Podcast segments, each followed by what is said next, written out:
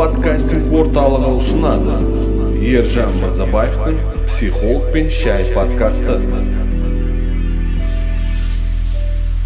Достар сәлем. Менің есімім ержан мырзабаев және менің қасымда эльдар құдайбергенов толқын подкастинг орталығы. Ержан мырзабаев ә, жанұялық психолог ә, эксперт десе де болады. Өзінің курсын жүргізеді инстаграмын жүргізеді. Прям супер адам менің ойымша рахмет рахмет. Және эльдар құдайбергенов толқын подкастинг орталығының басшысы директоры қазақстанда подкастинг темасын ә, дамытып жатқан осыған назар аударып осындай подкасттар жазуға мүмкіндік жаратып жатқан кісілердің біреуі. Иә егер өздеріңіздің подкасттарыңызды бастағыларыңыз келсе немесе сіздердің бизнестеріңізге подкаст керек болса хабарласыңыздар біз жасап береміз. Бастапқыда негізі эльдар біраз уақыт ұсынған. Мен өзім подкаст темасын білмегеннен кейін түсінбегеннен кейін иә кейін мақұл көреміз деп жүргенбіз. Ал қазір кішкене түсініп былай айтқан кезде во вкус уже вошли. И Иә. өзімізге де қызық болып бара жатыр осылай сөйлесіп. Оқырмандардан да жақсы кері байланыс алып жатырмыз подкасттарын тыңдап жатырмыз пайдалы болып жатыр. Рахмет өте ыңғайлы деп. Ол жағынан мен қуаныштымын. Енді осы подкастқа оралсақ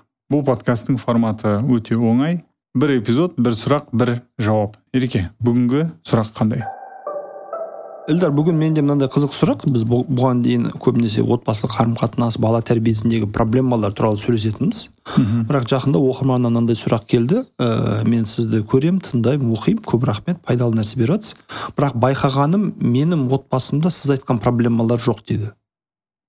Ә, проблемасы жоқ отбасыларға қандай кеңес бересіз? Яғни міндетті түрде проблема болу керек па психологқа бару үшін? Ә, күйеуімізбен жақсы қарым қатынастамыз одан да жақсы болу үшін соны сақтап қалу үшін болуы мүмкін рисктерді азайту үшін не істеу керек деген сондай бір қыз- қызық сұрақ келді.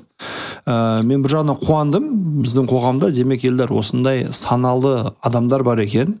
Яғни пока бәрі проблема болып быт болып қырылғанды күтпей бар болған нәрсені одан да жақсы деңгейге шығару бар болған жақсы дүниелерді сақтап қалуды да ойлайтын уайымдайтын адамдар бар екен. Сол жағынан өте қуандым. Менің ұсынысым бүгін осы тақырып туралы. Кішкене әңгіме өрбітіп сөйлессек.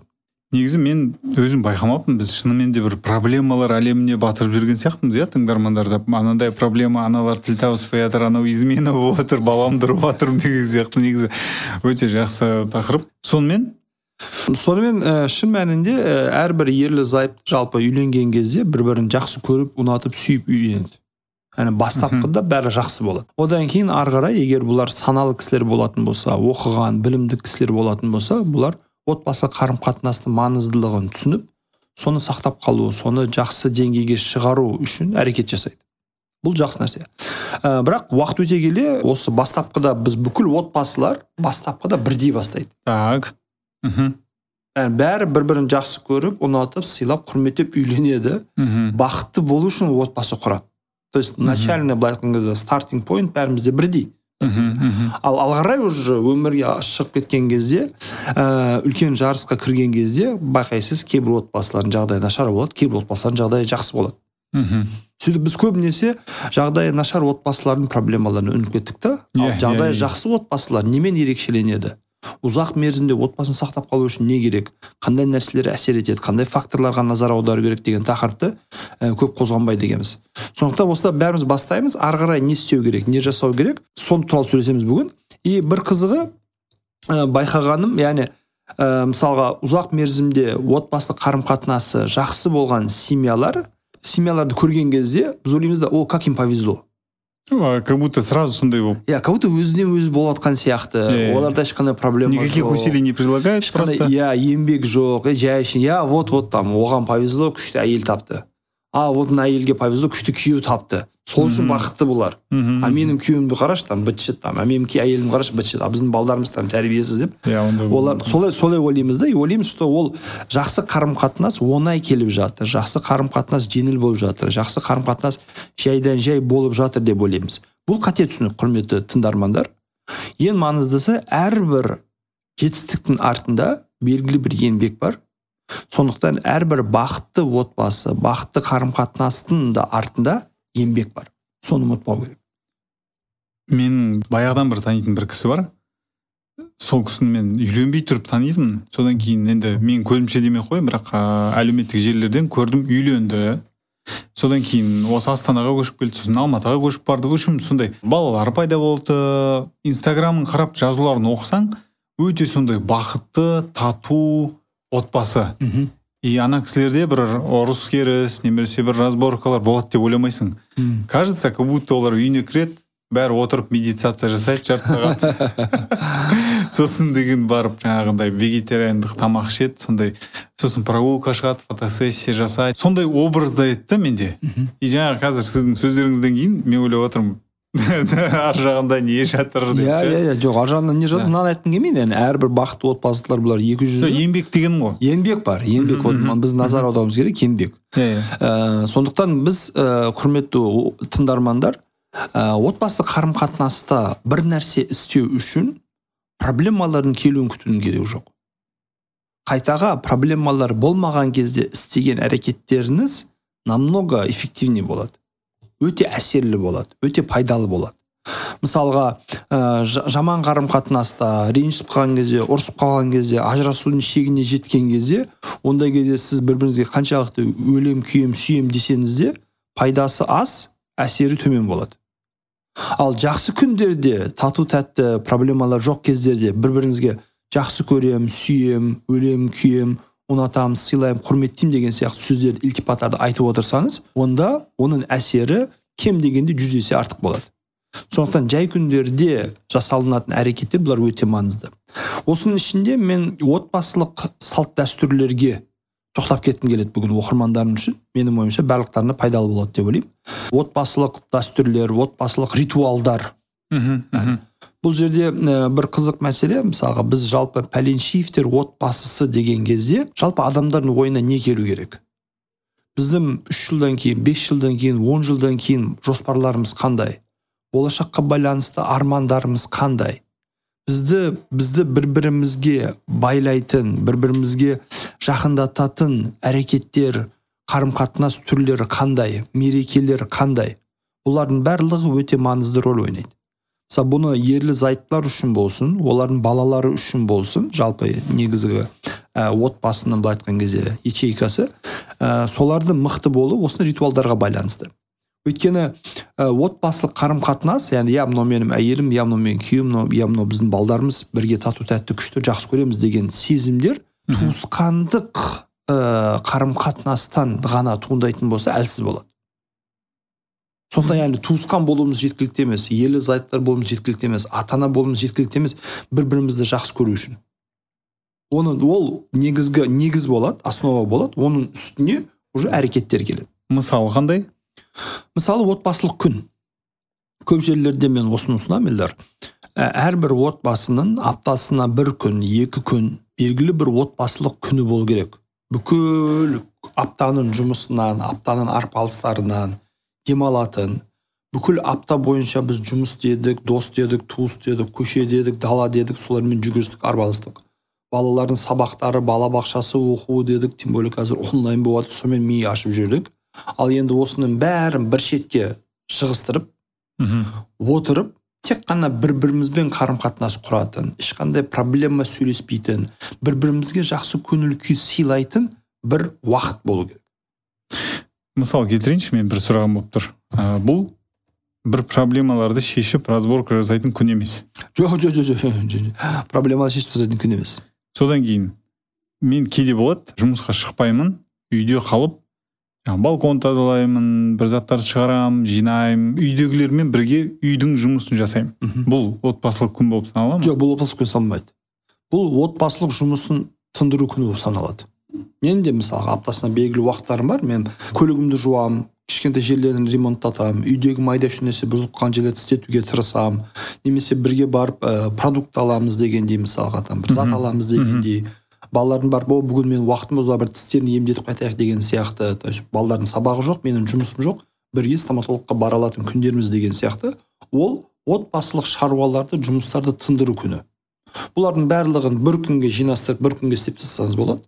Немесе аптаның ішінде бір екі сағат уақыт бөліп олардың бәрін реттеп реттеп апта соңына мүмкін болғанша ондай жұмыстарды көп қалдырмасаңыз болады. Демек ол отбасылық шаруаларды шешетін кезеңдер. Иә отбасылық шаруаларды шешетін күн. Ал отбасылық күн дегеніміз бұл бір бірімізге жағымды эмоция сыйлайтын күн. Бірге табиғатқа шығыңыз бірге паркқа барыңыз бірге пикникке барыңыз бірге үйде отырып ә, чипсы кола попкорн андасында болатындай сияқты ә, жиып қойып отбасыңызбен бір отбасылық фильм көріңіз отбасылық фильм көріңіз. Керек болса балаларыңызбен семьяңызбен бірге отбасылық ойындар ойнаңыз. Далаға шығып бір біріңізді қуалаңыз. Бірақ ол жерде проблема сөйлесмейді тек қана жағымды эмоциямен біз бір бірімізге белгілі бір телефон зарядтаған сияқты заряд береміз. Бұның пайдасы неде? Ә, аптаның ішінде көп жағдайларда біз там, семьяға уақыт бөлмей жатамыз. Мхм. Сөйтіп әйеліміз ойлайды да күйеуім мені жақсы көреді ма дейді. Балалар ойлайды да ата анам мені жақсы көреді ма дейді. Күйеу күйеу ойлайды да әйелім постоянно жұмыста вообще бұған отбасы керек па деп ойлайды.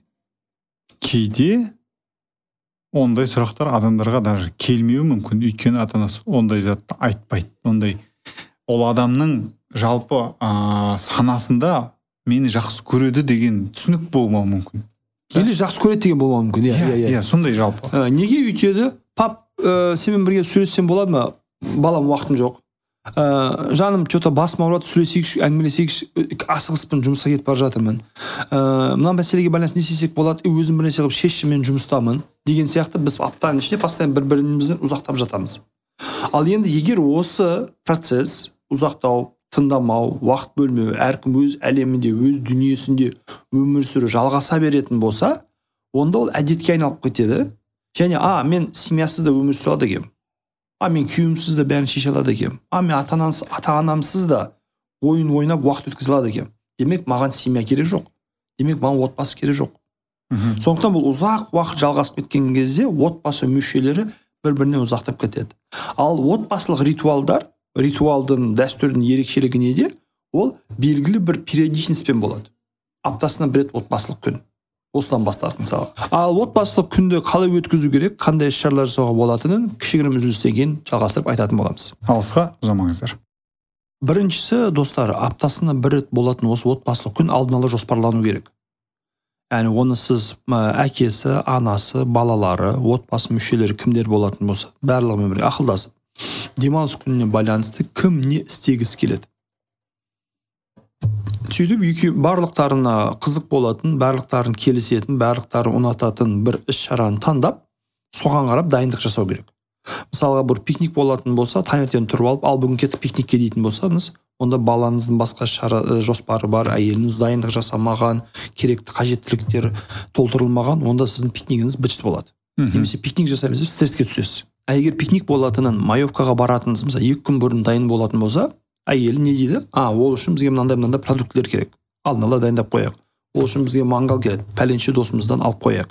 Так балаларым а біз пикникке барамыз соған қарап киімімізді дайындайық. Спортивный киім киіп барамыз ба мысалға жылы киініп барамыз суық киініп барамыз ба ауа райын қарайық.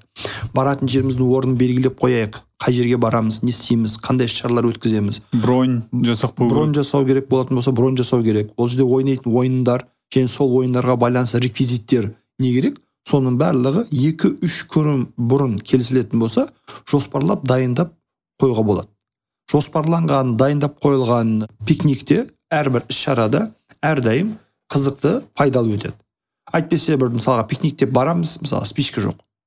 Пикник деп барамыз там балдардың не тау бізге тау ұнайды табиғат ұнайды жан жаққа қарап отырамыз да мысалы демаламыз өзімізше бірақ балдар не істейді ойламағанбыз қандай ойындар ойнайды ол тауға бір қарайды да болды ғой оған ары қарай романтика керек жоқ мысалға да. Оны ойламаймыз да одан кейін бала бастайды үйге қайтайықшы отырмайықшы істемейікші не істеп жатырмыз ішім пісті Wi-Fi жоқ интернет жоқ не істеймін деген сияқты. Сөйтіп біз ашуланамыз. Е біз сендер үшін келдік отбасы күн ғой демалсыңдаршы дейміз да баланы кінәлап баланы айыптаймыз. Немесе «Е, құрсыншы бұдан былай жоқ сендерге отбасы күн деп ашуланамыз. Хотя хотя қателік бізде. Біз отбасылық күнмен демалуға барған кезде әрбір отбасы мүшесі не істейді немен айналысады қалай демалатынын ойластырмағанбыз жоспарламағанбыз. Соны жасауға болады. Ә, мысалға күн жылы кезде біз өте оңай барып бір кішігірім бір кілем немесе бір плед алып мысалы покрывало алып барып паркта паркта жая саламыз. Сол жерде кішігірім тағам, тағамдарымызды аламыз таңғы асқа баруға мысалы жексенбі күні таңғы ас паркте мысалы таза ауада. Балдардың велосипедтерін роликтерін алады. Немесе бадминтон теннис сияқты ойындар ойнауға болады. Немесе тығылыспақ қуаласпақ сияқты қарапайым ойындар да балдарға өте қызық келеді. Сөйтіп ойнаймыз. Сөйтіп бір күнімізді отбасымызбен өткіземіз. Бұл не істейді? Бізді отбасы мүшелері ретінде бір бірімізге байлайды. Бір бірімізге жақындатады. Бір біріміз негативтен стресстен арылып позитивті заряд алуға көмектеседі. Сөйтіп отбасы мүшелерімен осындай керемет уақыт өткізгеннен кейін жалпы не үшін өмір сүріп жатқанымызды бір өзімізге апдейт жасап аламыз. А міне мен балдар үшін өмір сүріп жатырмын міне менің семьям міне менің ең маңызды құндылығым міне осылар маған шынайы бақыт беретін адамдар. Қалған нәрселердің барлығы өтпелі қалған нәрселердің бәрі уақытша. Осындай отбасылық күндер бұлар бақытты естеліктер қалыптастырады. Ал бақытты естеліктер көп болған сайын ол адамдар жалпы өмірде бақытты болады. Өйткені әрбір бақытты ересек адам бұл балалық шағында балалық шағына байланысты көптеген бақытты естеліктері болған адамдар.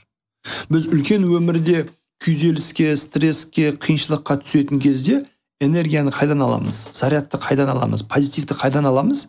Балалық шағымызды еске түсіру арқылы. О біздің балалық шағымызда о біз кішкентай кезімізде мамамызбен сөйтетін едік әкемізбен былай ойнайтын едік семьямызбен былай қыдыратын едік күшті мынандай уақыт өткізетін едік қайран сол кездерін деген сияқты. Балаларға отбасы құндылықтары осындай отбасылық дәстүрлер арқылы беріледі. Бұл бір мысалы шара. Ә, екіншісі яғни осы түрлендіріп жан жақта қарастыруға болады. Отбасылық ритуалдарға біз бірге қалай туылған күндер өткіземіз? Бұның белгілі бір дәстүрі болу керек. Яғни бұл міндетті түрде ерлі зайыптылар кем дегенде бір апта бұрын бір бірін есіне салады. Ендігі апта осындай күні қызымыздың ұлымыздың туған күні. Осынша жасқа толып жатыр. Қалай өткіземіз қайда өткіземіз? Және менің байқайтыным ә, көп жағдайларда ересектер балалардың мерекелерін өзінің той тойлауына сылтау ретінде қолданады. О баламыздан бес жасқа толып жатыр мектепке барайындар келіңдер үлкен той жиын бірақ ол жерде балаға қатысты дүниелер жоқ. Барлығы ересектерге қатысты. Отыру қыдыру ішу жеу ойнау билеу бол не болды? Баламыздың туған күнін тойладық жоқ баладан сұрау керек. Балам сенің туған күнің келе жатыр. Қолымыздан келгенше бұйырса оны атап өткіміз келеді. Не қалайсың? Кімді шақырғың келеді? Қалай өткізгің келеді? Қай уақытта қай жерде өткізгің келеді деген сияқты. Баланың осыға байланысты ойын пікірін алу керек. Өйткені баланың баланың өмірінде ұмытылмайтын күн болу үшін ол бала қалай қызықса қалай қаласа қалай ұнатса солай өткізу керек. Мүмкін болғанша максимально. Сол кезде бала а менің жеке күнімді мерекемді осылай тойлайды әкеміздің туған күні анасы балаларын жинайды так әкелерінің туған күні келе жатыр. Соған подарок. Мен дастархан дайындаймын керек болса там бір екі қонақ шақырамыз. Сен там сурет салып бер сен там бір пластилиннен бір нәрсе жазып бер сен ойыншық жасап бер баланың қабілетіне қарай яғни әкесі үшін бір нәрсе істеу. Тура сол сияқты анасының туған күні болып жатыр ма әкесі балдарын жинайды. Так бір аптадан кейін мамаларының туған күні келе жатыр. Соған байланысты мен там тамақ заказ беремін бір кафеге барамыз. Немесе тамақ істей алса үйде тамақ істеп берсін. Торт заказ береміз свечка береміз. Мен өзім не дайындайсыңдар? Так сен таппақ жаттап кел сен өлең жаттап кел сен сурет салып кел деген сияқты балаларға аналарына илтипат ету оның мерекесін өткізу. Сөйтіп барлығымыз отбасы ретінде осындай керемет жеке күндерді өткізіп өтеміз. Одан кейін жаңа жыл болсын наурыз болсын құрбан айт болсын енді өзіміздің құндылықтарымызға сай қай маңызды мерекелер бар болса сол маңызды мерекелерді отбасы мүшелерімізбен қалай тойлаймыз? Сол өте маңызды. Яғни мысалға жалпы ә, площадьта наурыз болып болуы мүмкін. Жалпы қалада елде там бір тәуелсіздік күні тойланып жатқан болуы мүмкін. Бірақ сол мерекенің отбасылық форматы қандай? Сол мерекені отбасы мүшелерімен біз қалай сөйлесеміз қалай тойлаймыз қалай атап өтеміз. Соның ә, ерекше форматы болу керек соған назар аудару керек. Ә, осындай отбасылық ритуалдар өте маңызды. Одан кейін мысалға қарапайым ритуал. Таңертең шыққан кезде үйден қалай шығамыз? Бәріміз бір бірімізге сау бол күнің жақсы өтсін бетінен сүю құшақтау деген сияқты сөз өтеміз кешке жататын кезде қалай жатамыз? Кім қайда құлап қалса қайда жатса сол жерде барып ұйықтай салады ма? Немесе міндетті түрде жату уақыты бар және сол жату уақытында мамасы папасы там келіп балдардың беттерінен сүйіп қайырлы түн тілеп түн тыныштығын амандығын берсін деп жатқызады ма? Балдарды ұйықтатқызады ма? Балдар өздері ұйықтайды ма? Ерлі зайыптылар да бір бірімен мысалға түнде жататын кезде біреу телефон шұқылап ұйықтап қалған біреу сериал көріп ұйықтап қалған болып жатады ма? Немесе жатпастан бұрын міндетті түрде бір бірін сүйіп құшақтап қайырлы түн тілеп сөйтіп барып жатады ма? Яғни осындай және осындай әрекеттер андай. Неге бұлар ә, дәстүрлер деп айтамыз ритуалдар деп айтамыз? Бұл бір реттік нәрсе болмау керек. Көңіл күйім жақсы болған кезде болмау керек. Ұмытпасам істеймін ғой деген нәрсе болмау керек. Бұл кәдімгідей күн сайын апта сайын ай сайын жыл сайын деген сияқты қайталанатын істелінетін және кәдімгідей санамызға миымызға отбасылық құндылықтар осы отбасылық дәстүрлер арқылы берілетіні қазылып қою керек. Құрметті тыңдарман мына осы эпизодтың сипаттамасына кірсеңіз біздің телеграм каналға сілтеме тұрады. Сол сілтемеде барып комментарийге жазып кетіңізші. Осындай ұзақ эпизодтар сіздерге ұнай ма ұнамай ма жоқ қысқарағы дұрыс па жоқ ұзағырағы дұрыс па сол жағынан. Содан кейін ол жерде менің ойымша ә, егер тыңдармандар өздерінің жанұяларындағы осындай ритуалдармен осындай дәстүрлермен бөліссе керемет болып кететін сияқты. Жалпы пікір алмасу үшін да тәжірибе алмасу жақсы нәрсе болады. Иә иә. Және мынаны қосып өту керек соңында наверное ритуалдардың дәстүрлердің бір ерекшелігі бұлар басқа жұмыстармен шаруалармен алмастырылмау керек. Яғни мысалға жексенбі күні таңертең отбасымен завтрагым бар сөйтіп бір басқа бір қалдым досым келіп қалды да давай жексенбі күні кездесейік деді сол кезде мысалы а ойбай досым кешір мен жексенбі күні бос емеспін менің отбасылық күнім бар.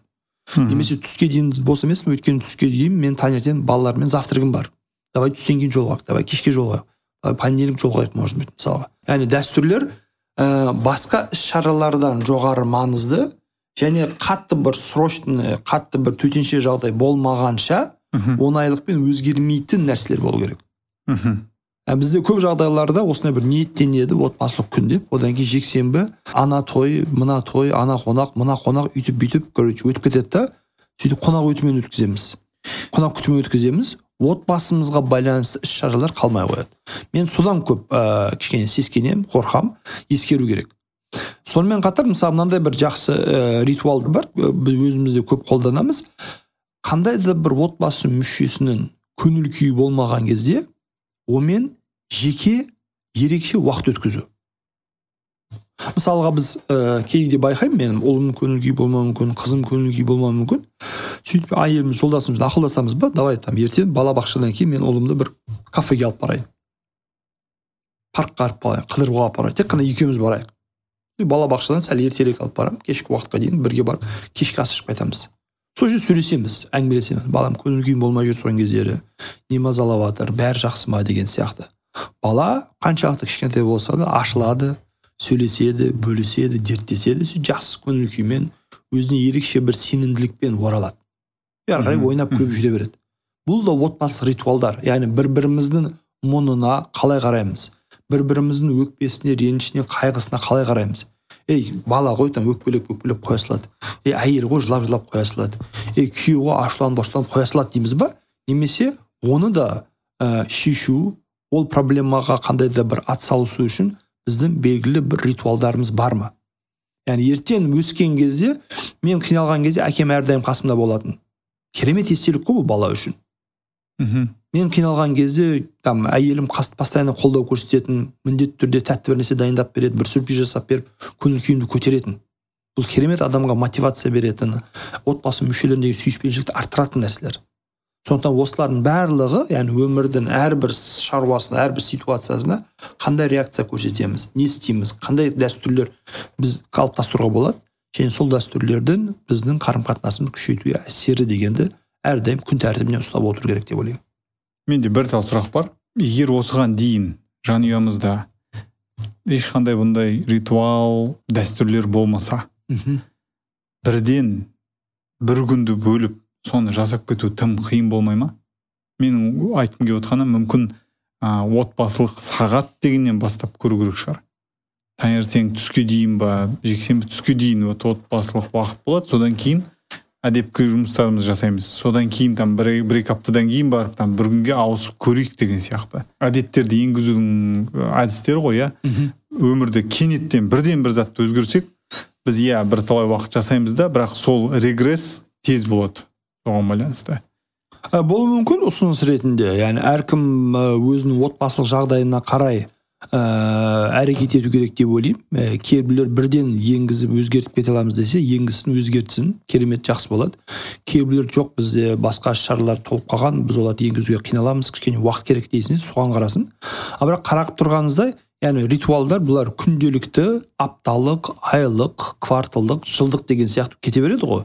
Мысалы жылына бір рет өзімізді қинап бір жақсы туған күн өткізуге мәжбүрлеу бұл мысалы биыл бір жарты күн өткізейік ендігі жылы жарты күн өткіземіз деген ойлаудың керегі жоқ мысалға ол бір рет істейтін нәрсе немесе күніне мысалы мен ешқашан балаларыма қайырлы күн деп айтпайтын едім бұдан былай айтатын боламын ә, оны, оны қалай бөлемін аптасына бір рет айтамын аптасына бір рет айтасыз ба үш реттен бастайсыз ба деген сияқты иә поэтапно жасауға болады бірақ бұларды бір жазып алып напоминание ретінде қойып мысалы бөлмеміздің бір бұрышына іліп қойсаңыз мысалы пәленшиевтер отбасының дәстүрлері мм. Іліп қойыңыз.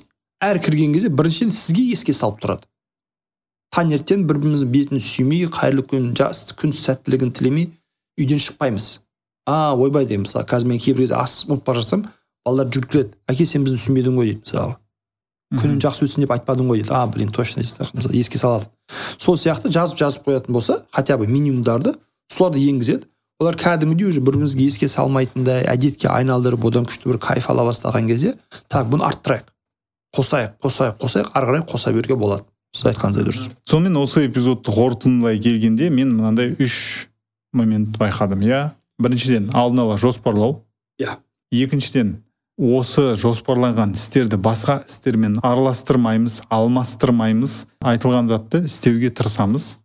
Үшіншіден егер ә, бірден өмірді өстіп өзгертіп кету ыңғайы келмесе ақырын ақырын бастаңыздар. Мүмкін кішігірім ритуалдардан бастауға болады. Иә. Керемет күшті қорытындыландыңыз бәрін эльдар рахмет сізге. Иә е, мен деген барынша тырысамын. Өйткені сіз бұл осы подкасттың ішіндегі енді ә, сізге бола болып отыр ғой. Бірақ әрдайым әр эпизод мен жаңа зат аламын жаңа зат үйренемін. Бүгінгі эпизод керемет болған сияқты. Иә тағы да естеріңізге салып өтейін. Бізде телеграм канал бар. Сол жердің барып комментарийіне жазыңыздаршы. Осындай ұзағырақ эпизод болса қалай болады екен? Өйткені подкастты бастаған кезде біз шештік қой. Қысқа да нұсқа болады деп.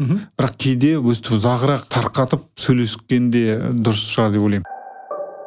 Сонымен сіздер тыңдап өткен психологпен шай подкасты психологпен бірге шай ішіп отырған мен елдар құдайбергенов толқын подкастинг орталығының директоры және менімен бірге шай ішіп отырған ә, ержан мырзабаев жанұялық психолог. Барлықтарыңызға рахмет. Достар бізбен бірге болған үшін келесі апта көріскенше аман сау болыңыздар.